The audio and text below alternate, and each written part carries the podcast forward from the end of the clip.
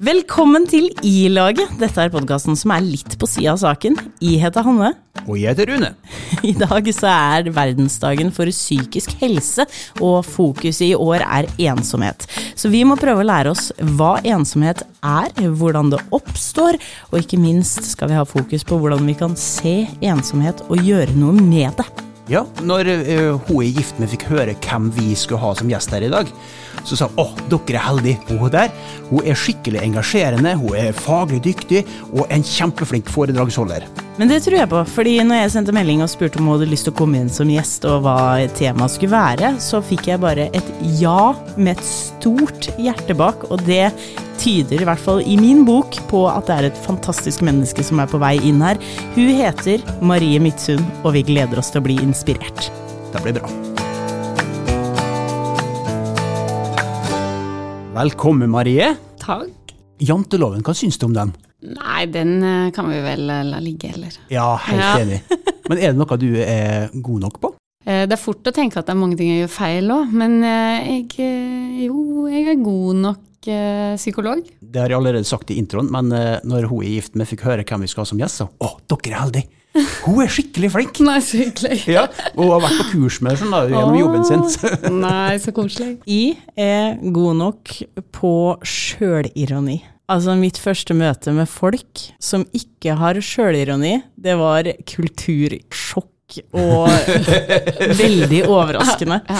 Ikke for å tråkke på noen, Nei, Men- vi liker å tro at vi er gode på sjølironi inntil prikk, prikk, prikk. Ofte får snapper liksom, at du har drept litt på draget, så det, det syns jeg setter pris på. å Se at de ikke er alene. Ja, men er ikke det, ja, men det Dette er jo veldig viktig, det å dele feil. Ja. Eh, Liksom, for det er utrolig kjedelig hvis alt er perfekt. Og hvis du aldri deler det, så blir jo folk som eh, ikke stoler på seg sjøl, mer usikre òg. Så det er liksom en måte å fortelle både ungene sine og kollegaene sine og vennene sine at eh, slapp av. Jeg heier på det at du er god nok på det. Takk. Ja. Du, Rune. Uh, jeg er ganske god på å lage mat. Så at, eh, hjemme med oss er det is i kokken i hus, og hun slipper ikke til på kjøkkenet engang, omtrent. Jeg har jo fått smake et par ganger òg, så Ja, det, det det kan jeg skrive under på. Heldig eh, kjærest. Ja, hun er kjempeheldig. Ja. Men uh, seriøst, er vi alle tre den som lager maten? Ja, det Ja, virker sånn. Ja, det syns vi må vi det, det veksler på lage her etterpå. Ja, og lage en støttegruppe rundt.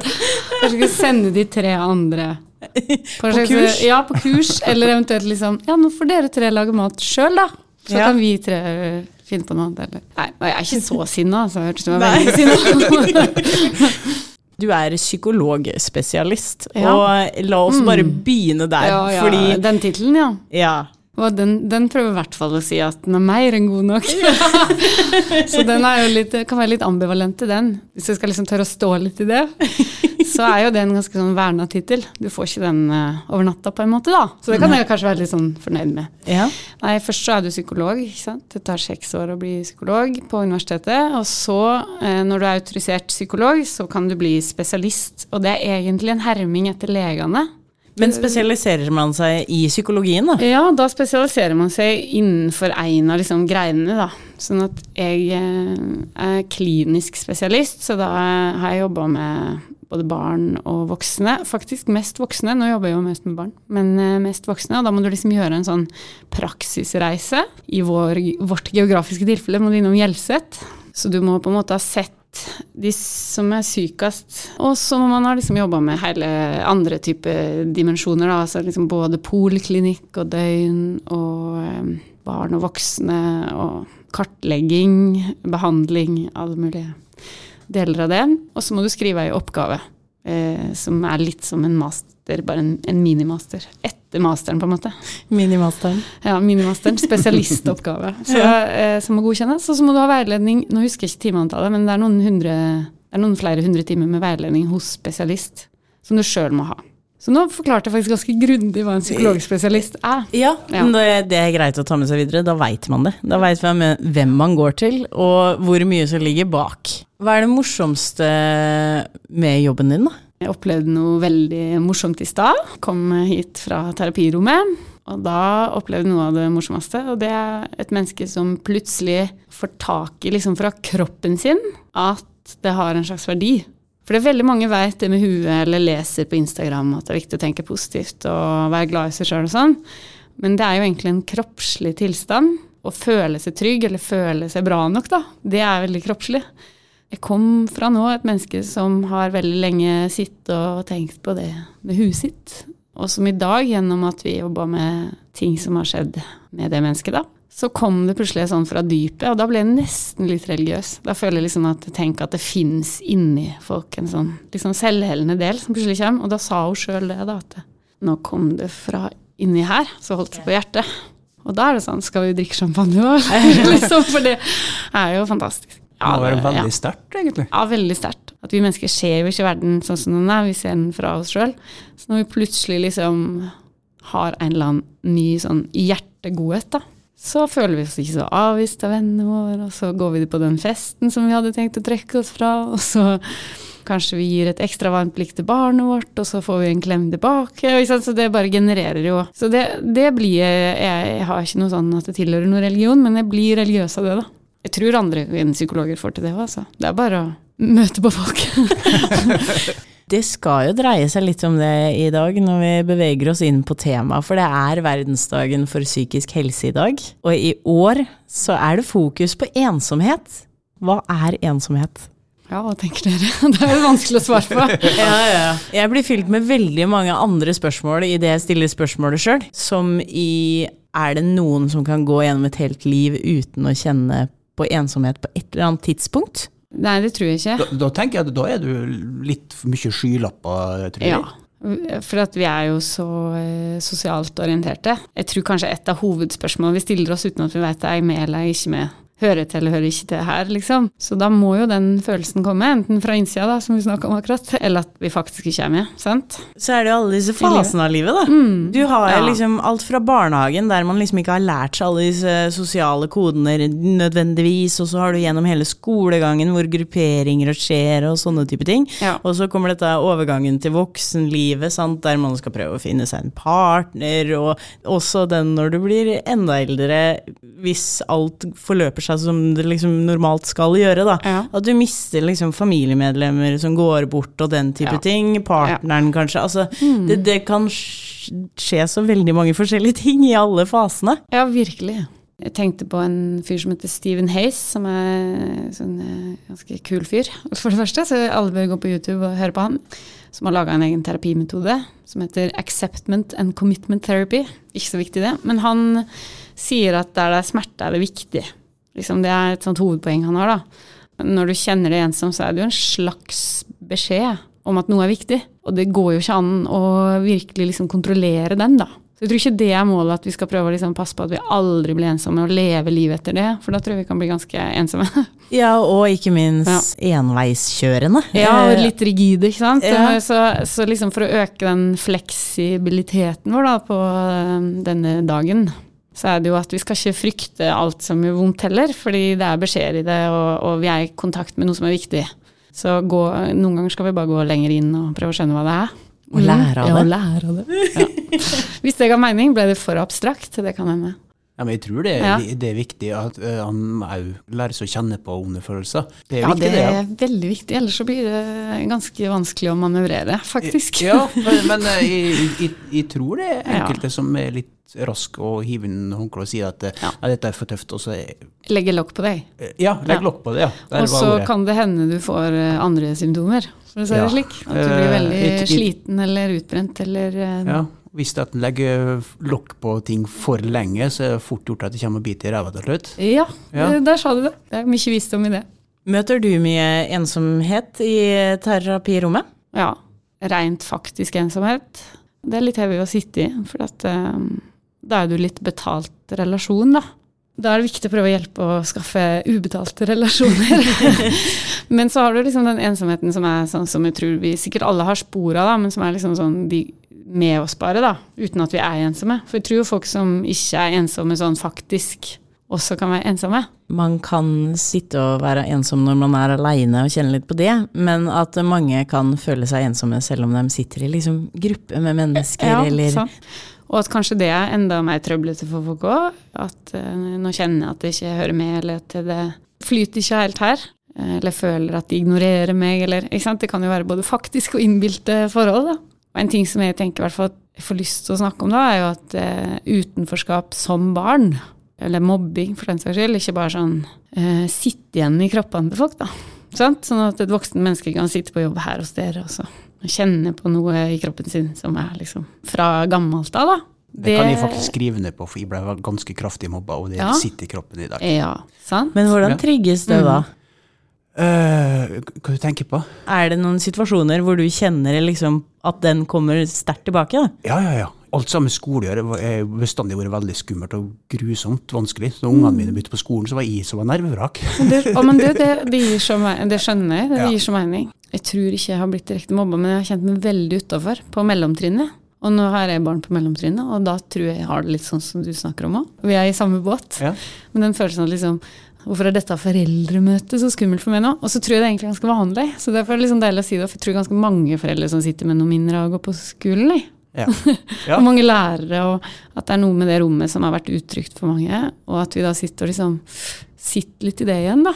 Iallfall ikke prøve å overføre til ungene sine, tenker jeg. Veldig viktig poeng. Det syns jeg vi skal ha som sånn knagg én. Og så er det jo eh, mer og mer snakk om, tenker jeg nå, da, at um, man får dårligere og dårligere tid i hverdagen. Og hvis man uh, har lite tid i utgangspunktet, og så i situasjoner er nødt til å prioritere ned tid med barn f.eks., at det òg kan være med å trigge noen sånne ensomhetsfølelser allerede i tidlig alder. Ja, sier vi bare til det. Ja. ja, men det tror jeg. Og at disse tingene noen ganger er litt sånn ordløse ting. da, som Noen vet liksom at jeg ble mobba, og derfor er det sånn her nå. Mens mange kan jo ha litt sånn ordløs ensomhet. Eh, Hvit sorg er det en eller annen sånn person som har kalt det. Så det er litt sånn der, Jeg vet ikke helt hva det her er, men det skjer når jeg er sammen med andre. eller ikke sant? Vi er jo veldig bevisstgjorte. Bevisstgjøring er jo en hjelp mot ensomhet. Når jeg og du møter skolehverdagen til barna våre, så har vi en slags bevisstgjøring på det er et eller annet her som gjør meg utrygg, Ja. som ikke skjer i 2022. Og det eh, regulerer oss jo, og bevisstgjør oss, og det gjør at neste steg blir og jeg skal ikke videreføre dette til deg. Mens liksom når du har det mye mer sånn du kan nesten ha det helt blokkert. Det er bare en sånn uro i kroppen, eller kanskje kjenner de ikke det engang. Og bare på hvert foreldremøte så er de ekstremt kritiske til lærerne. Eller unngår å henge mye med barna sine. Jeg sier ikke at det alltid er sånn, men liksom holder seg travel. fordi at det der med å være barn, det, er, det vekker noen greier i meg. Ja, sånn at jeg har egentlig ikke tid til barna mine. Jeg er ute og løper på et, jeg trener en del sjøl. Vi har den varianten òg, da. Og frakobling, da, som kanskje er ensomhet, på en måte. Kan du konkret fortelle hva som skjer inne i kroppen når man eh, liksom begynner å kjenne på den ensomhetsfølelsen? Ja, jeg kan i hvert fall si noe om når vi kjenner på ensomhet eller noe annet ubehag. Ja. Vi har et sånt nervesystem som beskytter oss, som skrur seg av og på, og som har litt forskjellige sånne kanaler da, som det går på. Vagusnerva, da, som den heter. En hjernenerve, en svær sånn nervekanal. Den eh, skjer det noe med når du eh, føler det trua på en eller annen måte. Og vi kan kanskje si at ensomhet er truende. Og det kan vi liksom sette to streker under fordi vi er flokkdyr. Og eh, hvis vi ser på oss sjøl, selv, selv om vi har på klær og sånn, så vet vi at vi er jo liksom født inn i steinalderen, i hvert fall litt sånn nakne og uten mus særlig muskelmasse. Men med veldig stor hjerne. Og det er jo fordi den er veldig god på samarbeidet. Så overlevelsen ligger i fellesskapet. Eh, Ikke i disse musklene her, i hvert fall. Vise muskler. Eh, Eller liksom i den pelsen her. Den, den ikke, eller at jeg er så rask til å løpe fra løva. Liksom. Det er ikke der min kraft ligger. Kraften min ligger i de andre i gruppa mi. Sant? Så ensomhet er per def eh, dødsfarlig da, for steinalderhjernen vår. Og da vet vi at vagusnerva spiller inn, og den setter i gang litt forskjellige prosesser etter hvor trua den er, på en måte. Så vi kan få litt sånn ulike mm, varianter. Eh, Den ene er jo den nervøse, litt ubehagelige følelsen der du blir liksom mobilisert, du blir veldig fokusert. Da følger du med på trusler, sant. Så si en person som kjenner seg ensom eller har litt mer sånn sosial angst, som går på en fest, da. Vi har på et sånn skanneblikk for å finne ut liksom, hva her er det som forteller meg at jeg er i fare. Og så kan det jo da bli litt ulike strategier, da, hvis vi tar, fortsetter på den, det eksempelet. For da har vi fight or flight, som en respons i det systemet. da. Som er liksom det aktiverende systemet, det som setter deg i beredskap. At Ja. du må gjøre noe med situasjonen, på en måte. Og da kan du enten liksom stikke av fra festen eller si at du er sjuk, eller ikke. ikke sant? Det kan være sånne fluktresponser, men du kan også ha noen fight-responser som er mer sånn Jeg tar kontroll over rommet. jeg prater veldig mye, jeg tar masse plass. jeg? Det kan jo være andre strategier. Nå sier jeg ikke at alle som tar mye plass på fest, er i fight, men, eh, men det kan være, være, litt sånne strategier òg. At du blir veldig sånn kompenserende, på en måte. Da. Eller at du blir veldig kritisk til noen. Sånn. Det kan jo være andre mindre hyggelige former òg. Men så er det også et annet system som kommer inn hvis du føler meg hjelpeløs. da, Hvis du tenker at jeg klarer ikke å gjøre noe med denne situasjonen. Jeg får ikke liksom berga meg her. Da får vi litt sånn mer sånn shutdown. Og det ser vi jo at en harepus får hvis reven får tak i nakkenbåndet. Så blir den helt sånn buff, slapp. sant? Og da går ting veldig seint. Utrolig vanskelig å tenke. Føler at det stopper opp, at du blir svimmel, eller liksom mister fotfestet. Kan en besvime òg? Kan veldig, det. Det skjer veldig sjelden, da, men kan det. For kan få veldig lavt blodtrykk. Så eh, jeg tror mange med den type liksom, angst da, som vi snakker om nå, eller den uroen sosialt, som er veldig vanlig da, å være sosialt usikker ettersom det handler om liv og død i steinalderhjernen. Ja. Men liksom, hvis du blir virkelig plaga av det, så tror jeg mange kan kjenne seg igjen i begge disse reaksjonsformene. Og at den siste er enda mer ubehagelig, for den er liksom sånn Mister helt kontroll, da. Og hvis du har blitt mobba eller sånn, for eksempel, da, hvis du har vært mm. utsatt for mer sånne sosiale situasjoner som har vært veldig krevende, så kommer den oftere enn den andre. For den fight-flighten den har en idé om at jeg kan bestemme, eller jeg kan gjøre noe. Så den er på en eller annen måte, den er ikke noe god å være i den heller. Det beste er jo at du liksom flyter og leker og hører på andre og har det kjekt og begynner og å danse. Og tenker at alle vil deg vel. Ja. ja. og ikke kjenner på ensomhet eller uro, da. Men uh, den fight-flighten har likevel en sånn Jeg bestemmer litt her. Jeg har noe jeg kan gjøre med situasjonen min. Det veit vi at uh, hjelper litt, da. Så når vagusnerven oppi hodet begynner å aktivere seg, og man kan kjenne på litt sånn ekle følelser her og der i kroppen, hva kan man gjøre da? Nei, det er faktisk noen ting som hjelper for selve vagusnerva, da. Hvis, hvis, du får den der svarte varianten, da, at du liksom blir helt overveldet sånn, så må du jo prøve å få blodtrykket litt opp. Og da finnes det jo noen litt sånn krisestrategier på det. og en av de som jeg bruker sjøl når jeg tar blodprøve, for da får jeg litt lavt blodtrykk og så blodprøve, det er å stramme rumpe og lår. For da får du faktisk høyere blodtrykk. Og så er det jo, så lenge du har en slags bevissthet om at du er redd, da, eller ensom eller utrygg, så kan du jo prøve å orientere deg litt motsatt, sant. Så du kan leite etter det vennlige blikket.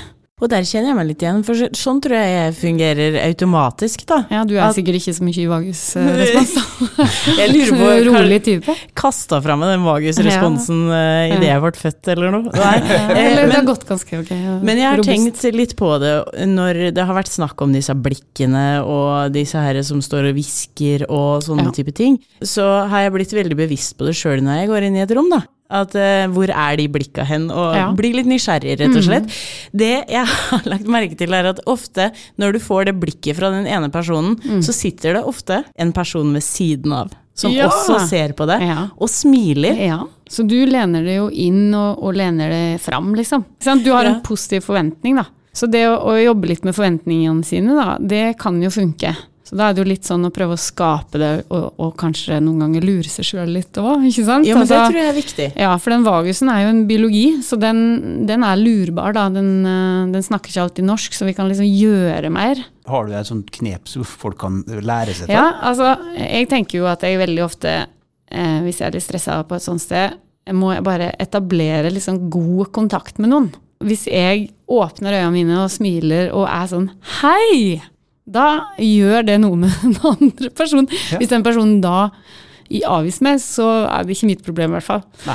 For det vi ofte gjør, er jo at vi trekker oss, ikke sant. Vi trekker oss, og så mister blikkontakt, og hvis vi blir veldig stressa, da. Mm. Så da er det sånn, finn blikka, finn Det var litt det du gjorde, da. At du fortsetter jakten på å finne ut hva som faktisk ligger bak det blikket, ja. istedenfor å bare la eh, den nerven bestemme sjøl at nei, der er det en person som ikke liker meg. Ja, mm. sant. Ja, For det, det, er jo en forenkling som hjernen din gjør fordi den er redd.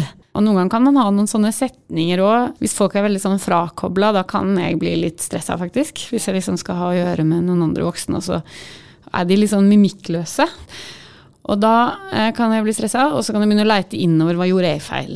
Og da prøver jeg å snu på det og så si sånn Hvis folk er veldig kontaktløse, så handler det stort sett om de sjøl. Så den der 'det handler ikke om meg' kan være en sånn det er også en anbefaling, en sånn mantra. ikke ta Botox, for de blir stressa.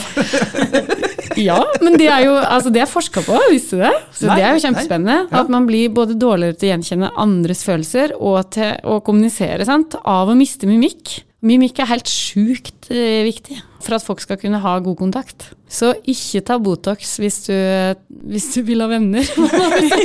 Du kan kanskje oppleve deg mer ensom, på en måte. Fordi at når jeg leser dine følelser, så gjør hjernen min noe med ansiktet mitt. Ja. Sånn at jeg liksom ah, ser på dine følelser, og så speiler det seg litt. Så hvis jeg er veldig sånn avstramma og ikke kan bevege meg, så får jeg faktisk mindre empati. Oi, oi, oi. Men det er kjempeinteressant, da. Ja, Ja. det er veldig spennende. Men jeg kjenner litt på at det, her er det et sammenstøt som skjer Ja. et eller annet sted. Det det. Eh, mellom steinalderhjernen vår, som Ja. er avhengige Ja. av det sosiale samspillet og samarbeidet, og dagens liksom hverdag. Ja, det uroer meg, hvis jeg kan si det. Jeg, jeg tror vi er så gira på det at vi får en lang connection uansett, da. Bare dette med mobiltelefon, da, og connections, da. Det, det er en bok jeg tenker på nå, derfor bruker det engelske ordet som heter Lost Connections, som handler litt om det, da. At eh, den vestlige kulturen har en del sånne spilleregler som gjør at vi får litt mindre forbindelse med hverandre, da. Et ganske artig og rart eh, forskningsstudie eh, som ble gjort på sånn Amish-folk. Det den fant, var at den gruppa med mennesker, hvis en følger med på hjerneaktivitet på natta, så kan måle oppvåkninger på natt, så har den gruppa, sammenligna med en gjeng som oss, da, de har ingen oppvåkninger, mens vi har veldig, veldig mange. Man tenker at det at vi våkner mye på natt, handler om at vi føler oss aleine. Det er rimelig alvorlig, og dette kan jeg eh, dykke langt inn i, kjenner jeg. Men, eh, men jeg, tenker, jeg er veldig opptatt av skolegang og barns eh, skolehverdag og den biologien. Og at vi har rusta oss sånn at vi har 30 barn og én voksen, er i hvert fall ikke noe steinalderen eh, foreslo. Og at veldig mange barn har mye behov for eldre mennesker som kan regulere seg og gjøre seg trygge. Og at vi veit at trygghet og den følelsen at jeg hører til her, og at noen er her for meg, er utrolig viktig for å kunne lære. Hvis du ikke har den følelsen i kroppen, ikke i hodet Læreren kan si 'jeg er her', men det spiller ingen rolle. Liksom. Det må jo være noe bevis, rent sånn kontaktmessig. Så blir det veldig vanskelig å følge med, så blir barna urolig, så kan det bli aggresjon. Altså, det er sammenhenger mellom disse tinga, og det er litt sånn Og det er i hvert fall vanskelig å se gjennom mobilskjermen. veldig vanskelig. Det er litt som Botox på en måte med Ja. mobilskjermen. At vi får ikke vite det. Og så er det jo mer og mer uh, iPad og teksterne i skolegangen. Det er kanskje ikke så bra, det. Ja, altså Enda en ting da som barna har i betingelsene sine for å være aleine, egentlig. For få voksne. Det mener jeg at det er i skolen. Eh, og så tar vi enda inn noe som kobler de fra hverandre. Litt spent på det prosjektet der, kjenner jeg. Men eh, det er mye fint med data òg, altså. Vi har protester i Iran, liksom. Av eh, sosiale medier så vet vi at damene driver og hiver hijabene sine og ber om å få velge sjøl. Så det skjer jo bra ting med skjermen nå. Men det handler jo om å finne den derre balansen, da. Ja, det er balansen. Den velkjente balansen, Ja. Mm. som er veldig vanskelig å finne. Ja, den, eh, et slags nullpunkt som ikke er der, på en måte. Ved siden av dette her eh, ensomhetsblikket, som er på verdensdagen for psykisk helse, som er i dag, så har de også putta på hashtaggen 'løft blikket'. Fins det tegn man kan se etter hos andre for å forstå uten at det blir sagt? Ja, jeg tenker at vi kan se det. Jeg tenker at kroppsspråket våre handler ganske mye om hvordan vi kjenner på eh, hvor i gruppa vi er. Så vi kan på en måte se hvem som eh, har en sånn ledig, stor, åpen kropp og bryster fram og åpent blikk og ser avslappa ut. Det tror, jeg, det tror jeg kroppen vår kjenner. Egentlig så tror jeg vi kan lukte det òg, men det er ikke så lett å påstå, kanskje. Men jeg tror det. At vi lukter forskjell på en som er der, og en som er veldig stressa sosialt. da. Skam er jo den sosiale følelsen som forteller oss at eh, jeg er ikke helt eh, godkjent her. Om vi føler det sånn, eller om vi er det. Det, det gir samme følelsen. Og da er det jo ofte at man prøver å skjule seg, da. Gjøre seg liten, eller gjøre seg til lags, da. Så jeg tenker at det kan være varianter. Det er jo litt den der vagusnerva jeg snakka om i stad, ikke sant. At den gjør seg utspill. Så det kan jo være noen som tar kontroll. Plutselig er det Ja. danse på bordet. Ja, En det kan jo være både fullstendig fri og, og veldig stressa, det. Nå blir jo svaret at det er ikke mulig å se, egentlig. Jo, men hvis Kjenner du ser men veldig store endringer i en person da, fra et møte til et annet Mm. uh, gjennom en lengre periode, det vil man jo lett kunne se i et klasserom eksempel, Ja. eller ute i skolegården, eller når man går for å spise lunsj og den type ting. Og folk kan ha dårlige dager og sånt, men jeg vil tro at eh, ved en sånn vedvarende Mm. 'jeg føler meg ikke på plass her', Mm. så vil man se en endring da, kanskje. Ja, og da tenker jeg at du ser liksom det stive kroppen, da. Dette tror jeg vi er gode på å kjenne, da, egentlig. Er du ikke enig i det? Altså, det er Jo, nesten så jeg jo. tenker at dere kan svare like godt på det som meg. Men det er alltid greit å få bekrefta det man ja. tenker. ja, det blir litt sånn. For dere kan det, dere òg, hvis dere kommer på fotballtreningen til ungen deres. Så, Ja, ja. så ja, ser vi hvor vi skal løfte blikket, liksom. Mm. Hvem det er som uh, trenger et varmt uh, lys fra øya dine, liksom. Som regel er det dommeren. Ja, ja i hvert fall dommeren. Ja, med dekken. Han bør få en god klem etter hver en kamp. Ja, det, det, det tenker jeg noen ganger at det er litt sånn der, eh, sånne kandidater til å bli den neste justisministeren, er det Mehl hun heter? Og, være, og en som er egnet til å være dommer i en sånn barnefotballkamp. For hun for eksempel tenker jo at ser veldig trygg ut, og så er det som har noe sånn veldig sånn jeg er ikke ensom i bånd. Skjønner du hva jeg mener med det? Mm, ja. Ja. Og så har jeg sett noen sånne barnedommere som er sånn 15 år og, og er dommer for de på 10. Som har litt sånn Jeg har faktisk tenkt den tanken, skjønner du. Ja. At du har litt sånn, du har samme kroppsspråk som justisministeren, som er under 30 år og justisminister. Det er noe som er trygt inni der, på en måte. Ja. Du Mm. veit å stå i det. ja. Jeg tror ikke det er kontroll eller kompensering, det tror jeg er trygghet hun har. Så det er jo litt fint å se for seg hvordan ser det ut når noen er trygg, da. For noen som er trygg, tar ikke nødvendigvis veldig sånn Prøver veldig hardt å ta plass. Men da begynner vi jo å nærme oss den herre Når vi da legger merke til det og sånn, hva bør man gjøre da? Nei, det er jo hele tida liksom musikk vi driver med da her, så vi må spille mm, reint og fint og sånn. Og rytmisk? Eh, og rytmisk, liksom, ja. Ja, det skal ikke undervurdere, for det er en ganske stor bit av det. Men det, vi skal, det er kanskje et annen, annen podkast. ja. um, Så det er, vi sier det jo litt nå, liksom. Hva er lurt og ikke lurt. Jeg tror jo at eh, noe slags kontakt uansett er bedre enn ingenting. Og så tror jeg, og det opplever jeg fra at jeg jobber med lærere og sånn, som vi skal liksom tørre å gi mer kontakt, da med Mm. barn som ikke alltid gir oss sitt beste, eller er, er enkle å elske, da. For det er jo ikke alle barn som er, men som kanskje trenger det desto mer. Og da er det jo litt sånn En sånn skummel stemme som mange får, er at hvis jeg eh, strekker ut noe her nå, eller gir noe nå, så kan den personen bli veldig avhengig av meg. Det er en sånn farefølelse som mange får. Og da vil jeg bare si det er ikke sant. eller ja vel. Eller kanskje òg. Men litt sånn eh, Hvis du f.eks. har et fotballag, da, som du er trener for, og du ser at det er et barn der som eh, ikke er fra Molde, kanskje det er fra en annen Kanskje det er fra Afrika, liksom, altså et barn som har flykta. Kanskje du får følelse at det ikke står helt bra til, og så ser du at en del trekker seg unna, den ikke klarer helt samspillet. Da snakker vi ensom, da. Og da kan vi jo bli redd for at hvis jeg nå liksom varmer opp deg litt, så flytter du hjem til meg i morgen. At det er den redselen mange får, da. Men det vi vet, er at hver gang du får liksom lys i lampa, da, så danner det seg representasjoner i hjernen av at verden kan være god. Sånn at den erfaringen blir en erfaring da, men det blir jo en forventning til verden seinere. Sånn at de som har minst av det, trenger det veldig, og hver erfaring kan være litt sånn ja, det er et litt sånn fint ord kanskje, men frapperende, er det noen som kaller det. Frapperende effekten. Den står seg sjøl som engangstilfelle. Så du trenger ikke adoptere det barnet fordi du viser det noe kjærlighet, eller på en fest at du ser noen som er aleine, så trenger ikke du å bli gift å- med den personen, eller flytte sammen. Og du trenger ikke å ja. sitte der hele kvelden, men Nei. bare det å gå bort og si nei, Ja. hei, sitter du her? Ja, og kanskje det lader den andre litt, grann, sånn at den får det der blikket ut, og da plutselig ser en annen, så den får litt ressurser å bruke på, ikke sant. For det, det er litt sånn jeg tenker om det, da, at vi blir litt sånn ladestasjoner for hverandre. Og da øker liksom eh, batteribruken i rommet, og så blir det litt tryggere for alle. Favorittsitatet mitt der er 'vær en fontene, ikke et avløp'. Det er fint. Vi må skjønne om jeg skjønner det. Når du gir en Ja. lading, da, som Ja. du sier, Ja, det er lading, ja. så vil jo fontena på en måte bare Den vil jo lade seg sjøl òg. Vannet kommer ja. på en måte bare tilbake. Nå er du veldig er sånn Nå skjønner jeg, nå, nå ja. gir den kjempemening. For du blir ikke brukt opp. Og det er kanskje litt det samme som det at jeg får følelsen av at folk er litt så redde for at det skal gis for mye. Og da er det sånn Nei, Veldig det går faktisk ikke, for det er litt som en fontene. Så bli gjerne litt mer. Ja, det var djupt, da. Tenk på det sjøl, hvis dere er på en sånn fest. Kjenner ingen, og så kommer noen som dere er glad i, og som er sånn fontene i livet deres, inn i rommet. Trenger ikke gjøre noe engang. Bare at den kommer inn i rommet, gjør noe med hele kroppen din.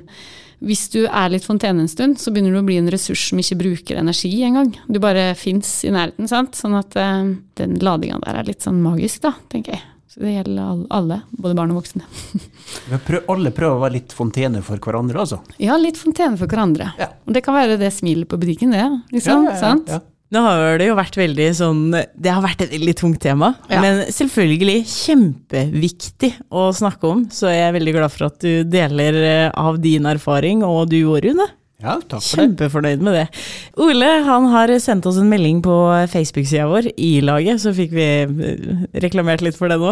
Eh, og han har tenkt en del, ser det ut som, eh, på dette her med fjerting i offentlighet. Bare for å ta et litt lettere Oh. tema. Ja, ja, det er Ja. lett og Ja. forferdelig på en måte på samme tid. Så Ole, han bare lurer på når det ble så skamfullt å fise. Hva gjør man når uhellet er ute? Han lurer annet på om man skal unnskylde seg, om lydnivået på fjerten spiller en rolle i situasjonen, om det har noe å si om man kjenner den personen man slipper en braker foran eller ikke. Dette, dette føler ikke vi skal til forskning på, liksom. Dette føler vi skal snakke om, bare. Og han lurer også på om alder og kjønn gjør en forskjell på hvordan man skal reagere, enten man er den som fiser eller den som på en måte Altså, nå begynner jeg å tenke at denne prompen forteller oss utrolig mye om samfunnet i dag. Eh, Kanskje vi burde bare tatt fjerten fra start av? Ja, eh, ja, sånn- ja, ja det, kunne vært, det kunne vært tema underliggende i alle eksempler. Ja. Ja, for den, den belyser jo nettopp liksom Er jeg bra? Er jeg innafor nå? Den, den ensomhetsfølelsen. Å slippe en promp på feil tidspunkt. Du kan Ja. fort bli litt ensom hvis du slipper den. Ja, du kan det. Det blir jo fort en effekt der du blir sittende litt alene, ja. Men ok, da eh, spør han om vi ikke kan ta denne saken med størst mulig alvor. Ja. Og det er det klart okay. vi kan. Ja, ja, vi måtte le litt først, Ja. men det er selvfølgelig Jo, men det er fordi forsvare er morsomt. Ja, og så Ja. litt sånn, sånn erkjenne at vi alle driver med det, liksom. Ja. Ja. Det, Ja, det og kan vi det kan vi gang. eh, Vi fiser alle sammen. Ja, det tar Ja. vi med en gang. Damer også. Damer også, faktisk. Ja. Ja. Faktisk. Mm. Jeg har sett sånne bloggere og influensere som sier at nei, jeg promper ikke. Og så tenker jeg åh, Ja. Hva mer heller skjult for folk når du går rundt og sier sånn, for det er jo ikke Ja. sant engang. ja. Da har vi iallfall tatt den. Alle, Ja. alle fis. Alle her fis. Vi, har, vi er oppbygd med akkurat samme rørsystemet, både gutter og Ja. jenter. Eller den følelsen har du, Jeg har vært borti Dette er litt på sida, da, men når du liksom, hvis du tar ferga, og så skal du på do, og så går du på do og så tenker å nei, her har vært noen før, og nå tror alle det er meg når jeg kommer ut her. Ja. At, du har, at du har litt lyst til å si du, det var sånn før jeg gikk inn. Ja, ja. Så det er jo, det er noe vi vil fraskrive oss, liksom. Jeg, jeg lukter ikke så vondt, liksom. Jeg, jeg er spiselig for dere andre. Det, er jo, det, er, det handler jo faktisk om ensomhet, eller ikke ensomhet. Det handler ja om å høre til. om den Den der lukta. Og at kvinner må liksom være mer attraktive enn menn, da. Som er jo litt sånn Ligger i fisen, liksom. Ligger de? Ligger? Men det ligger noe informasjon om kulturen vår i, at, eh, i det. Ja. At det er vanskelig for oss. Håper det endrer seg. Og så blir det litt latter rundt det òg ofte, da. Jeg syns det at det, det er mye god underholdning i en Høgen. Eh, De eh, som er stille, de er gjerne litt skumle.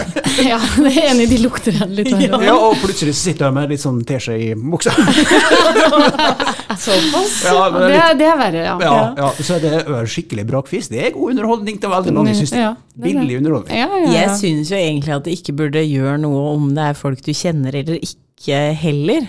Men det er litt eh, lett hvis det er folk du kjenner, eller? Ja, hvis du kjenner dem godt, Ja. men det, det er jo det Ja. også. Hvis det, du bare løse- det er jo Hvis du kjenner løse litt, så er det verst. Ja, De imellom er verst. Ja, de er verst, altså.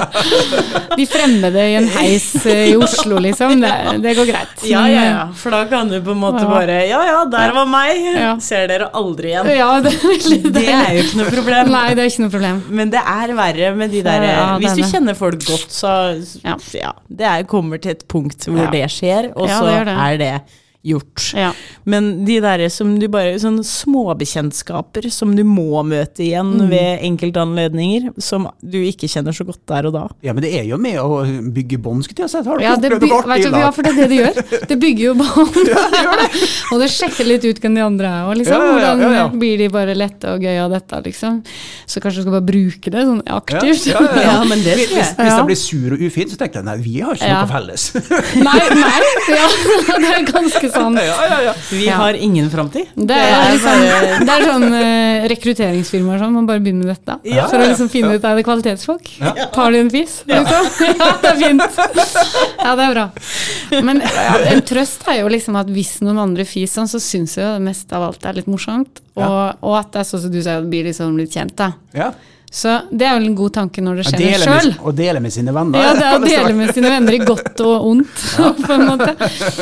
Nei, jeg tror vi tenker at er voldsomt og ikke så farlig, eller? Jeg syns det er verdens mest naturlige ting. Ja, det er det. Samtidig så er det en av de mest underholdende tinga som Mm. fins. Ja, ja, det er jeg helt enig. i. jeg stopper aldri en god prompehistorie. Men dere er, liksom, hvor mye skulle vi hatt da for å gå nå? Hvor skal vi gå da? Inn på Folgot, kanskje? Ja. På kafeen der? Og slippe en brakar i køen. Ja, hvis liksom hva, hva må vi ha for å gå dit nå? Det, altså, det er ikke sånn, jeg gjør ikke det helt uten videre, kjenner jeg. Da, da sier jeg 'hold my beers'. Du, du som har muligheten til å tjene litt penger her. Ja, Det er et veldig bra Ja. sosialt eksperiment. Da. ja veldig. Alt handler litt om hvordan du går inn i det.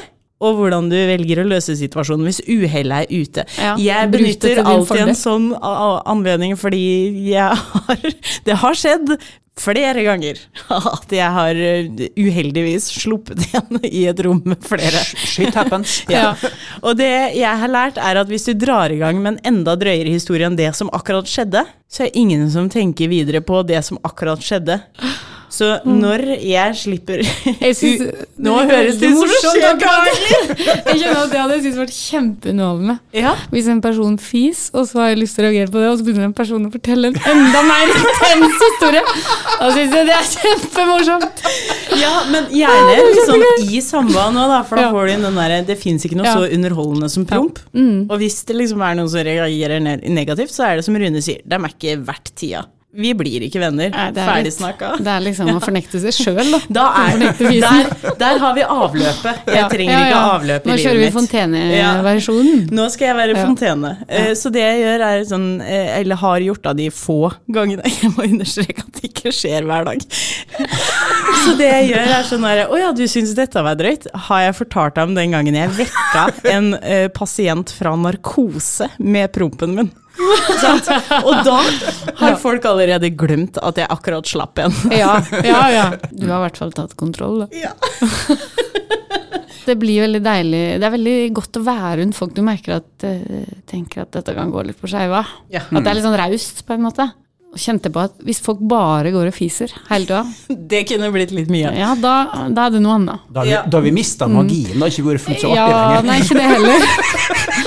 Og så gjør, skjer det noe, da skjer det noe som ikke er så bra, liksom. Ja. Men, men det derre Oi, der kom den! Det er veldig Men, morsomt. Ja, ja, ja. Og jeg tenker altså vi kan godt overføre den Akkurat det der med promp er litt artig fordi det er tema og innsendt spørsmål og sånne type Mm, ting, men veldig. jeg mener adopter det i alle situasjoner som virker forferdelige, da. For det, det, Ja, folk har. Mm. en tendens, ikke alle, men noen har jo en tendens til å på en måte spille veldig mye på lag med den her nerven i hjernen. Ja, ja, ja. Og på en måte bare øke Den tar over litt fort. At den tar over fort, og så er man med på å liksom Man vanner det her systemet med bare ja. Ja. men da tar jeg det negative fra den, og så blir Ja. det negative der. Istedenfor å samle på de derre Ja. positive, da. Ja, ja, og da får man jo faktisk en svikt liksom i hva man opplever rundt seg. da. Man får en usann opplevelse.